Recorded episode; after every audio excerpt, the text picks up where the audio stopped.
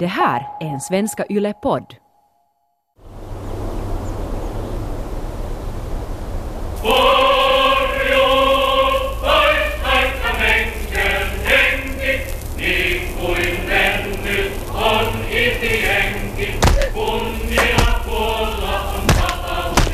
Kommunister i Åbo och omnejd blivit utsatta för våld. Ödesdiger skottväxling i Forsa kräver ett människoliv.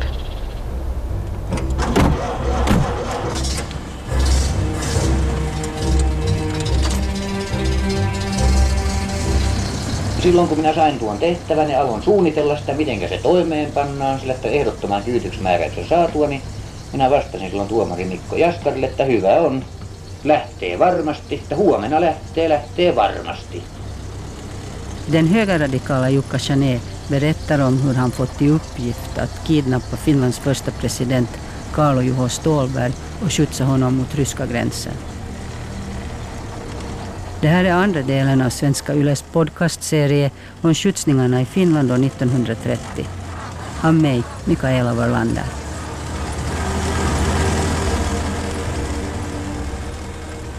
Fastän vi ibland klev ur bilen hittade våra händer varandra på nytt och så fortsatte vi vänta på hur det hela skulle sluta.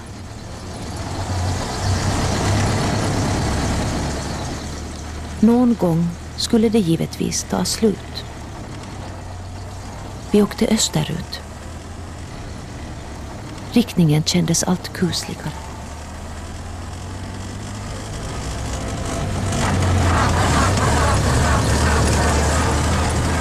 I oktober 1930 kidnappade högerradikala aktivister Karl och Juho Ståhlberg med fru Ester. Chauffören Jukka Chané har med våld tvingat Finlands första president in i en svart bil med täckta fönster. Och då har Ester meddelat att hon tänker följa med. Ester sitter i baksätet och försöker lista ut varför de har kidnappats och vem som kan tänkas ligga bakom kidnappningen. Bredvid henne sitter en man med en pistol. Birte Wingren läser ur Esters dagbok om resan som började på Brändö i Helsingfors och som nu har nått fram till Lahtis. Det var underligt att se hur bilen åkte genom Lahtis i lugn och ro. Till och med på stadens huvudgator. De måste vara vana och självsäkra då de inte undviker huvudleder. Antagligen har de redan sett att ingen lägger märke till sånt här. Ingen tittade på bilen. Vad fanns det att titta på? De gick omkring och sysslade med sina vardagliga ärenden precis som vanligt. Ingen kan hjälpa oss. En människa kan visst vara helt försvarslös mitt i ett folkvimmel. Vi stannade för att tanka. Men ingen tog någon större notis om varken passagerarna eller bilen. På andra sidan Lahtis var det återigen skog och ensamt. Niin, tätä kyytitystä varten minä aloin heti hankkia siis apumiehiä. Genast fick Jaskaris befallning började jag ordna med hjälpkarlar och bil. Ja silloin muistui heti mieleen, että kravatitehtailija Bolanderin pojilla on. Jag tänkte på Bolanders pojkar men de ville inte ge sin nash. Pojat eivät uskaltaneet antaa vaunua. Sitten muistikin, että minä olen rintama... Men så kom jag att tänka på Metroautos Salmi från Frontmannaföreningen och han lovade ordna en bil. Ja hän luovutti vaunun ilman muuta. Tiesikö hän mihin tarkoitus? Minä olin vaan sanonut, että tarvitaan kyyditykseen. Et sanonut ketä kyllä? En. Jaha. De susar fram i en bil på landsvägarna genom Finland utan att veta vart de är på väg eller med vem. Ester försöker gissa sig till hur resan kommer att sluta utgående från vad hon har läst och hört. Sommaren 1930 är Lapporörelsens guldår. Det är också en våldsam tid i Finland. Oron i landet har åter krävt ett dödsoffer. Nattligt blodsdåd i Pöytis. Då man kom för att söka kommunisten sköt han genom fönstret. Över 250 människor har kidnappats och förts bort för förhör, förnedring och misshandel. Tre personer har mördats och ännu fler har dött som en följd av våldsamheterna. I början av resan tänkte jag på hur jag skulle klara av farten utan att bli illamående. Men jag avvisade genast tanken. Det får inte komma på fråga och det gjorde det inte. Inget fick beröra mig. Inte törst, inte hunger, inte trötthet, inte sinnesrörelse, ingenting. Här måste man härda ut. Och här härdar man ut. Det kändes verkligen som om alla kroppsliga besvär var borträknade.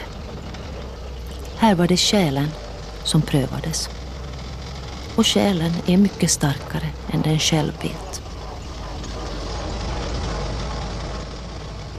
Jos heillä oli jotain aavistusta kyydityksestä, niin se oli paha omatunto ja se lapuoliikettä vastaan pidettiin. Om de hade någon aning om skjutsningen på förhand så hade det nog att göra med deras dåliga samvete. Att de hade talat illa om lappurörelsen. Silloin kun hän lähti nyt Lapuan liikettä muun muassa ja näitä kommunistien kyydityksiä suoranaisesti puolustamaan ja syyttämään meitä gangstereiksi ja rosvoiksi, niin se oli minun käsittääkseni jo sinä aikana jo niin kuin kyydityksen tilausta.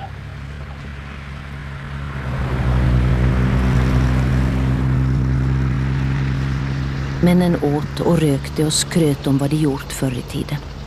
Så fortsatte vi, med hög fart. Man har ju fört bort både den ene och den andra, skröt föraren på nytt. Hur skönt var det inte att få Röttke och Pekkala att sjunga? Och de vrålade sig igenom vilken folkvisa som helst på kommando. Men de här är ju något annat.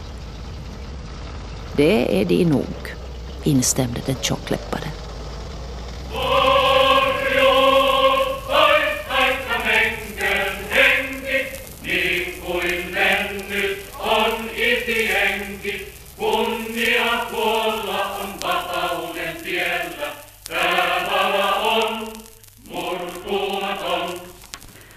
Eino Pekkala och Jalmari e. Rötkö är två vänstersocialistiska riksdagsmän som kidnappas under ett möte i Ständerhuset den 5 juli.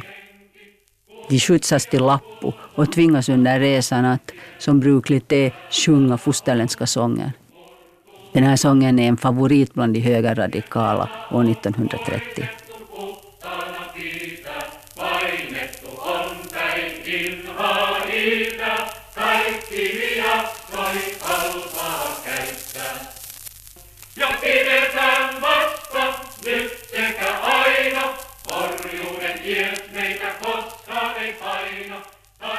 De är allt annat än de enda.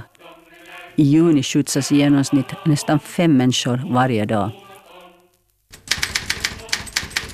Riksdagskandidat enleveras. Ungefär ett par timmar efter mötet anlände till ortsbon Sirens bostad, där Hellberg för tillfället vistades, med automobil sju män. Männen tvungo Hellberg att stiga upp i bilen och skjutsade honom cirka 20 kilometer i riktning mot Nylands läns gräns. Där avklädde de Hellberg i skogen och slog honom med ett i skogen taget spö. Härefter kastade de sitt offer i landsvägsdiket och hotade honom med ytterligare repressalier om han vidare skulle hålla några valtal.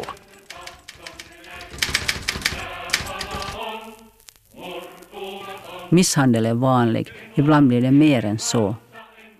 Den 4 juli 1930 i Forsa gör arbetaren Yrjö Holm motstånd. Han mördas. Den 18 juli kidnappas riksdagens första talman, socialdemokraten Väinö Hakkila, från sitt sommarställe norr om Tammerfors. Den 19 juli mördas skomakaren Erik Petter Mättö då han ska skjutsas över gränsen till Sovjetunionen. Han blir skjuten så att säga i misstag av Pentti Kosola, sonen till Lappurörelsens ledare Vihtori Kosola. Liksom många andra skjutsare är Pentti Kosola berusad av hembränt eftersom förbudslag råder i Finland och det är förbjudet att använda alkohol. En natt under innevarande vecka anlände ett antal män till ordförandens i Loimijoki nykterhetsnämnd Nurmis bostad. De förde honom med bil till en skog där de först misshandlade honom och därpå tvungo honom att underteckna ett papper var i han lovade att avgå från sina kommunala förtroendeuppdrag, icke uppträda som talare och icke antasta spritlangare. Den 1 september kidnappas kommunfullmäktige Onni Happonen som misshandlas till döds. Han hittas senare nedgrävd i en myrstack. Ofta drar man paralleller till USA. Där det, det uppstår en sån här, ett sätt att eh, föra politiska motståndare till gränsen, delstatsgränsen och helst tvinga personen över gränsen. Det vill säga att fysiskt visa att man vill inte ha den här personen som en del av gemenskapen. Så det är ganska fråga om liksom all, allvarliga brott, eh, såväl skulle vara brott idag som det var brott då, alltså kriminell handling, kidnappning, grova brott.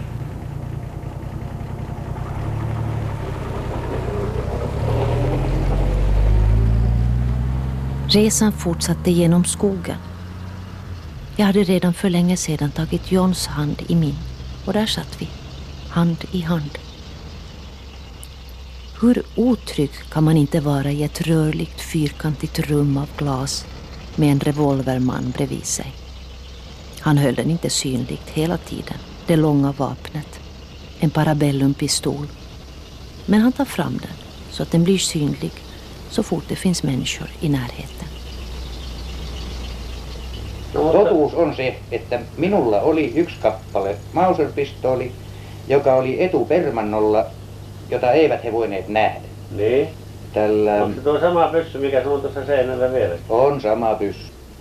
Sitten oli, oli, oli tällä Uliinilla oli Parabellun pistooli, joka oli auton sivutaskussa. Vi stod helt och hållet utanför lagens och samhällets beskydd. Jag undrade hur gammal lagen som fastställer rätten till personlig integritet kunde vara. Om vi någonsin tar oss ur det här ska jag fråga John om det. Den stiftades säkert redan när de första samhällsinstitutionerna organiserades i Sverige. Det är ju människans främsta rättighet och nu bryter man mot den i våra dagars Finland och anser att det är en patriotisk handling. Man tillgriper våld på det här sättet och en stor del av folket försvarar det. Man hånar dem som talar om laglighet och kallar dem pappersherrar och paragrafslavar, hånar lagen och talar om livet som om det vore motsatsen till lagen. I en sådan situation kan man själv känna hur mycket lag och laglydighet är värt. Åh, så heliga man håller dem. Stålberg symboliserar egentligen allt det negativa som aktivisterna såg i den demokratiska republiken Finland. Han blev hatobjekt nummer ett. Redan på hösten 1917, när alla andra vägrade lyssna på den andra parten, så påpekade han vikten av att gemensamt skapa det självständiga Finland. Det att han vann presidentvalet sommaren 1919 över Mannerheim som var absolut aktivisternas kandidat nummer ett. Det var en ganska stor chock. Och eh, då är det många som känner stor besvikelse och speciellt eh, när Stålberg börjar förverkliga sin politik som går ut på att börja bygga broar mellan vänstern och, och borgerliga Finland. Och här för man bort just en som stiftar och övervakar lagen. Den man som var den första att bygga vår nuvarande statsstruktur utifrån den urgamla principen om laglighet, han förs nu bort mot ett okänt mål av några förbrytare. Och de står inte ens för sina egna handlingar, de bara lyder den heliga folkrörelsen. Det finns ett reellt hot mot eh, Stålberg. det görs många planer på att ta livet av honom, men att ha, det enda politiska mordet då som sker under den här tiden på 20-talet så är ju Ritavuori som är då Ståhlbergs högra hand och som förverkligar den politik av amnesti och han blir mördad på grund av politiska orsaker. De högerradikala strävar efter att påverka samhällsutvecklingen, vilket man också delvis lyckas med. Den 14 juni förbjuds kommunistiska tidningar, tre månader efter att aktivister förstört vänstertidningen Työn Äänistryckeri i Vasa. Med flaggprydda bilar anlände igår till Vasa flera tiotal av dem som utfört tryckeriattentatet. Anmäla sig hos landshövdingen och överlämna till denne en med 72 namn undertecknad skrivelse var i undertecknarna erkänner sig skyldiga till övervåldet. Den gången försökte advokaten och riksdagsmannen Asser Salo ta upp ärendet i rätten. Men det slutade med att han fördes bort. Österbottningarna förde Assar Salo till Vasaläns södra gräns där han återförsattes i frihet. Salo har skriftligt försäkrat att icke vidare besöka Vasa. Det är den första mer kända skjutsningen. Man kan säga att rättsväsendet inte fungerar som det borde. Straffen blir milda eller uteblir helt. Enligt domstolsprotokoll sitter en del av de åtalade och skrattar i rätten. Det är ett intressant fenomen att varför i en viss tid man blir dömd för en viss handling men att i en annan tid tycks det inte finnas kraft i samhället att döma för samma, samma handling. Och sommaren, våren 1930 så det är en oerhörd press från Lapporörelsens sida mot de här ledande i samhället. Det är stora spänningar. Det är en folkrörelse som drar genom hela landet samtidigt som, som det sker en radikalisering inom den här folkrörelsen. Skjutsningarna är bara en liten del egentligen av det här våldet. Man förstör, ser till att vänstertidningar upphör, man spikar fast dörrar vid arbetarnas lokaler och skapar hotbilder. Och till exempel då våldför sig just på, på olika sätt, på, både på institutioner och personer. Och ställer samtidigt stora krav på regeringen att eh, man måste förhindra till exempel att kommunisterna inte får verka i samhället.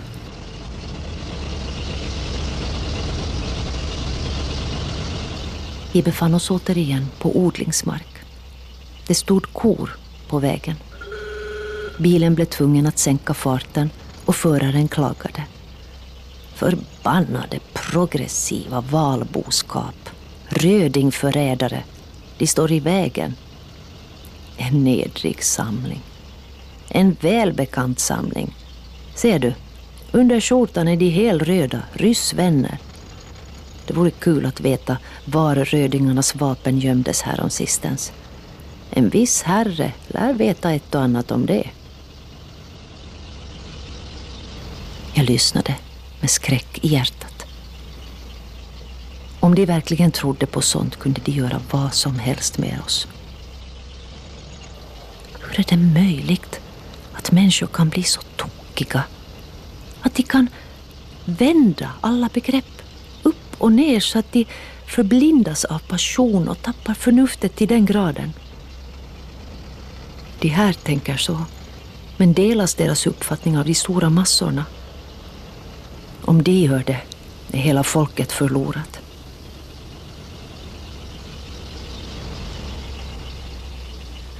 Så det, var det som eh, de moderata var rädda för var att många lojaliteter skulle vara hos de här kuppmakarna som för många representerade äkta Finland. Så att det fanns av dessa nätverk, aktivistnätverk, på olika håll. Inom industrin, inom militären, och så vidare.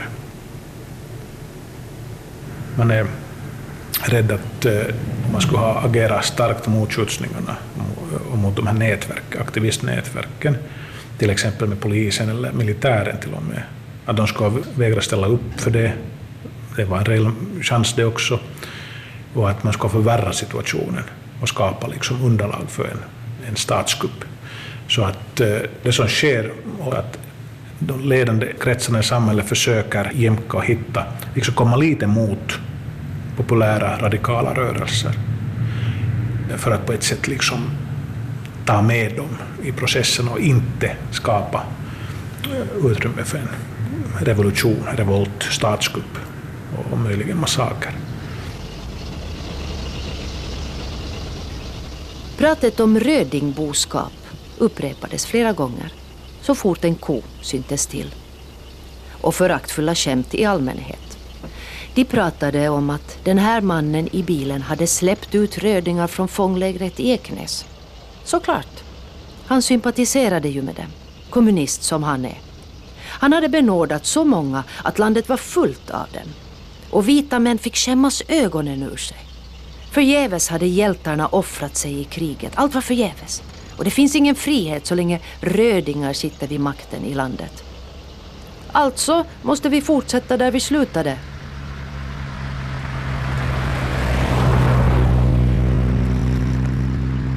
Även Heinola passerades på huvudgatan och vapnet kom återigen fram. Det var mitt på dagen. Människorna såg sömniga ut, hasade fram utan att se sig omkring. De hade ingen aning om vad som hände rakt framför dem. Me ajettiin nyt sen porrassalmen yli ja siinä vasemmalla puolella oli silloin, sehän on se porrassalmen patsas, siellä se Suomen sodan aikainen patsas. Ja siinä on hyvin joku semmoinen iskulause, velvoittava oikeastaan Suomen miehille. Niin. Ja siinähän miehiä kylmeni ryssää vastaan silloinkin. Ja on kylmentynyt sen jälkeenkin. Niin. Pysäytin auton siihen ja vein käden lakkiin, luin sen vaan äänettömästi, sen kirjoituksen. Ja jatkon matkaani ilman mitään puhua. Et sä puhunut niille mitään? En sanaakaan. Jag stannade bilen vid krigsminnesmärket, förde handen till mössan, läste texten tyst för mig själv och fortsatte resan. Ja sen jälkeen sitten minä huomasin taustapeilistä tuota, siellä ukolta vierähti kyynel silmästä. I backspegeln såg jag hur gubben släppte en tår. Och det var också meningen. Att visa en krigstida staty så att han också läser texten som finns där. Että tietysti hänkin sen luki, niin kai se sen verran vaikutti, että toi kyyneleen vanhan sedän silmään. Ja, ja.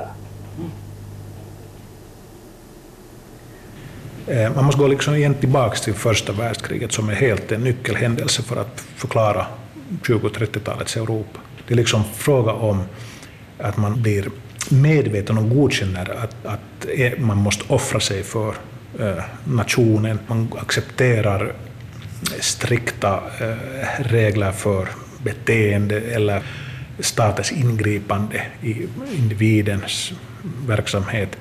Så att eh, vi har allt det här, den här mobiliseringen för krig som pågår i flera år. Eh, jägargruppen är ett utmärkt exempel på det. Eh, det vill säga de för med sig också, långt, långt efter att vapnen har tystat, så för de med sig denna mobilisering. Och det är det här som är det svåra, att efter långa totala krig så freden blir ofta mycket problematisk, svår. Det, många grupper har haft eh, drömmar om det framtida. Liksom det på ett sätt hör det till att på grund av offret jag ger, det att jag offrar mig nu för nationen, så betyder det att jag har rätt att kräva att framtiden, att det är mycket bättre än nu och att jag är själv med om att forma framtiden. Så det är den här mekanismen också som, eh, som spelar in. Och då har vi just de här aktivistgrupperna som anser att det Finland som uppstår på ett sätt efter inbördeskriget, eller eh, ska vi säga efter, efter sommaren 1919, så är inte längre liksom det Finland som de egentligen kämpar för. Att man har låtit Socialdemokraterna komma med i politiken igen. Det blev ingen stark eh, stat, monarkisterna förlorade, Östkarelen blev aldrig en del av Finland, så det är många besvikelser för de här grupperna, eh, aktivistgrupperna, som sen pyr där under hela tiden, som finns där hela tiden. De människorna som var övertygade om att kriget fortsätter. De som aldrig egentligen gjorde fred med omvärlden. Så de kunde hålla på med det här till slutet av sitt liv.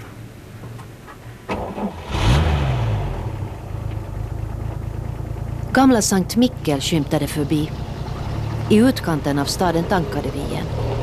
Nu kunde vi höra på samtalen att resan skulle fortsätta till Varkaus. alltså ännu längre österut. Norr om Sankt Mikkels verkade de ha ännu fler krigsminnen. Där och där hade man stridit, det skröts hejvilt.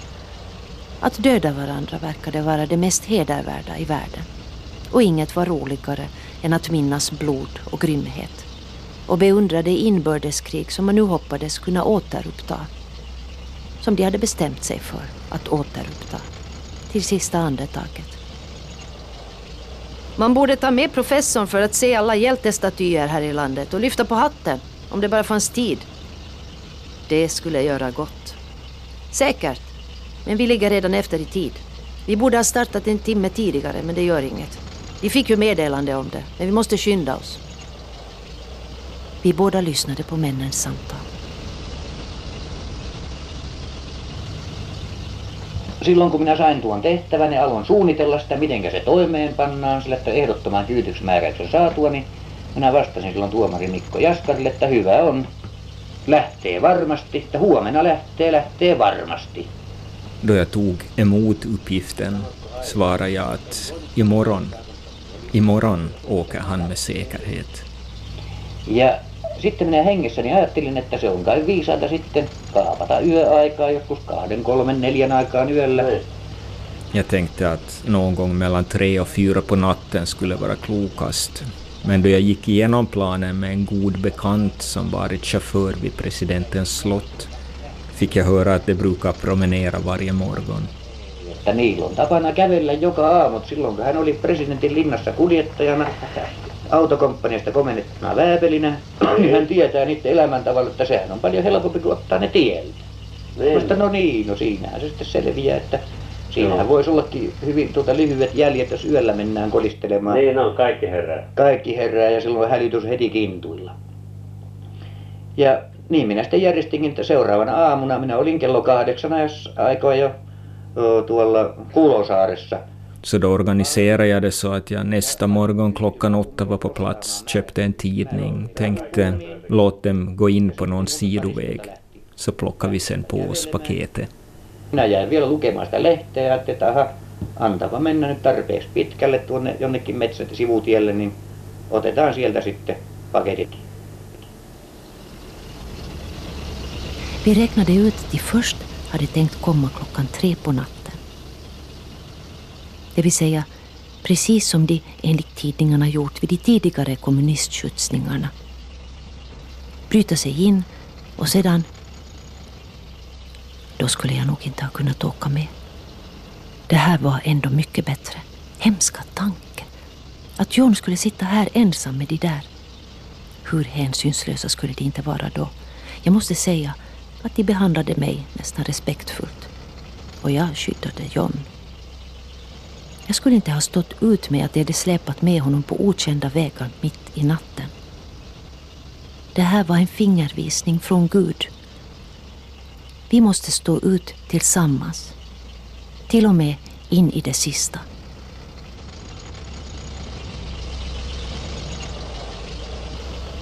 Fastän vi ibland klev ur bilen hittade våra händer varandra på nytt och så fortsatte vi vänta på hur det hela skulle sluta. Någon gång skulle det givetvis ta slut. Vi åkte österut. Riktningen kändes allt kusligare. Då och då samlade jag mig och granskade männen noggrannare. Den smale var av en särskild sort. Hänsynslös, fanatisk, djärv. Just en sån som gör vad som helst på order. När det är dags för bråk är han i sitt eget element. Äntligen kan man gå fosterlandets ärenden på det här sättet. Aktivt och helhjärtat. Krig är det högsta. Dit vill man komma nu också. Och att döda rödingar tills det inte finns en enda kvar. Ser bra ut till det yttre. Fina drag, utmärkt hållning, mod och spänst. Inget gör den mannen rädd. Han var klädd som en montör. Skinnbyxor, knästrumpor, vindtygsjacka, keps. Ibland tog han på sig en regnjacka, ren och fodrad.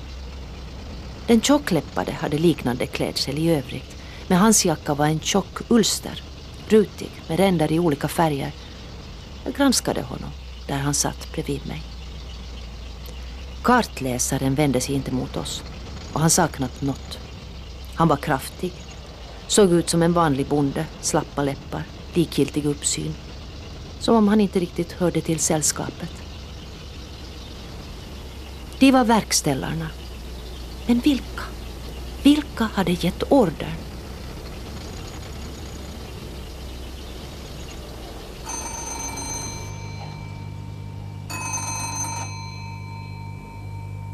Stolberin kyyditys on todistettavasti saanut alkusysäyksen Sortavalasta tulleesta puhelusta. Budet som det talas om i intervjun kommer från Sordavala.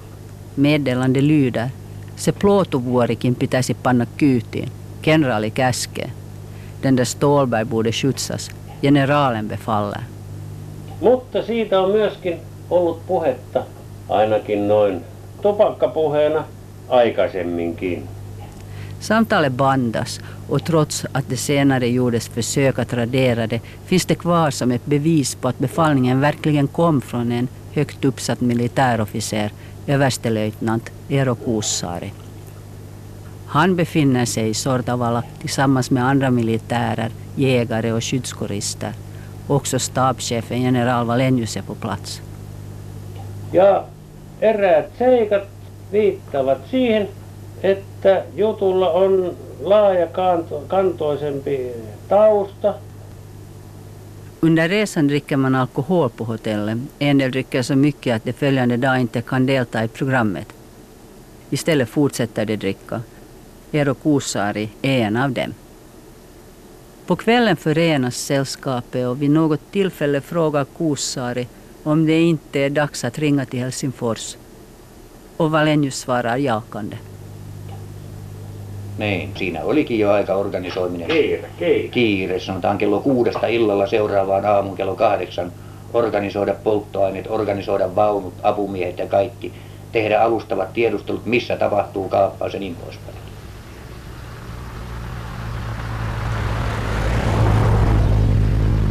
Vi ilade vidare mot Varkaus och dagen blev allt mörkare. Bara skog, skog i all oändlighet. Pistolen syntes inte till. Vad skulle den vara bra för här i ödemarken? Vi stannade i den djupa skogen och männen rökte. Färden började slita på förarens ögon och nerver. Vi sträckte också lite på benen. Jag frågade vart vi egentligen var på väg. Och de svarade att vi inte behövde veta annat än den närmaste anhalten, som denna gång skulle vara Barkaus. Och vad händer när vi är framme? Vi ska ta er till slutmålet. Och det gör vi, utan att tveka. Det här lämnas inte ofärdigt, nej då. Och där möts vi av en annan bil och andra män. De får fortsätta. Vilka kommer de vara? Det vet vi inte. Men ett som är säkert är att de är lika svurna till lydnad som vi är och de verkställer order precis som vi.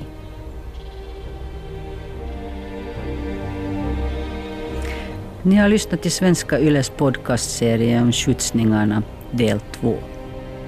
I det nästa och sista avsnittet anländer sällskapet i den svarta Chevroleten till Joensuu. Hur ska det gå för Ester och John? Hur ska det hela sluta? Det som har kallats för Finlands största politiska skandal. Hemska uppgifter. Kanske kommer de att vara berusade eller ännu råare än de här, tänkte jag för mig själv. De ska genomföra det sista uppdraget, vad det än är. Kanske hemskare än vad de här männen gör.